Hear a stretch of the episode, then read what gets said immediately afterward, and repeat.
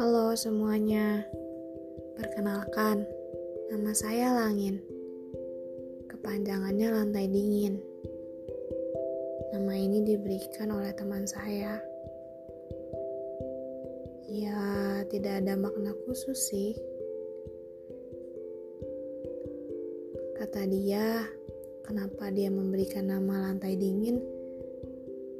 Karena kami sedang duduk di atas lantai yang terasa dingin. Lucu ya dia. Uh, di podcast ini, saya akan membacakan puisi yang dibuat oleh saya.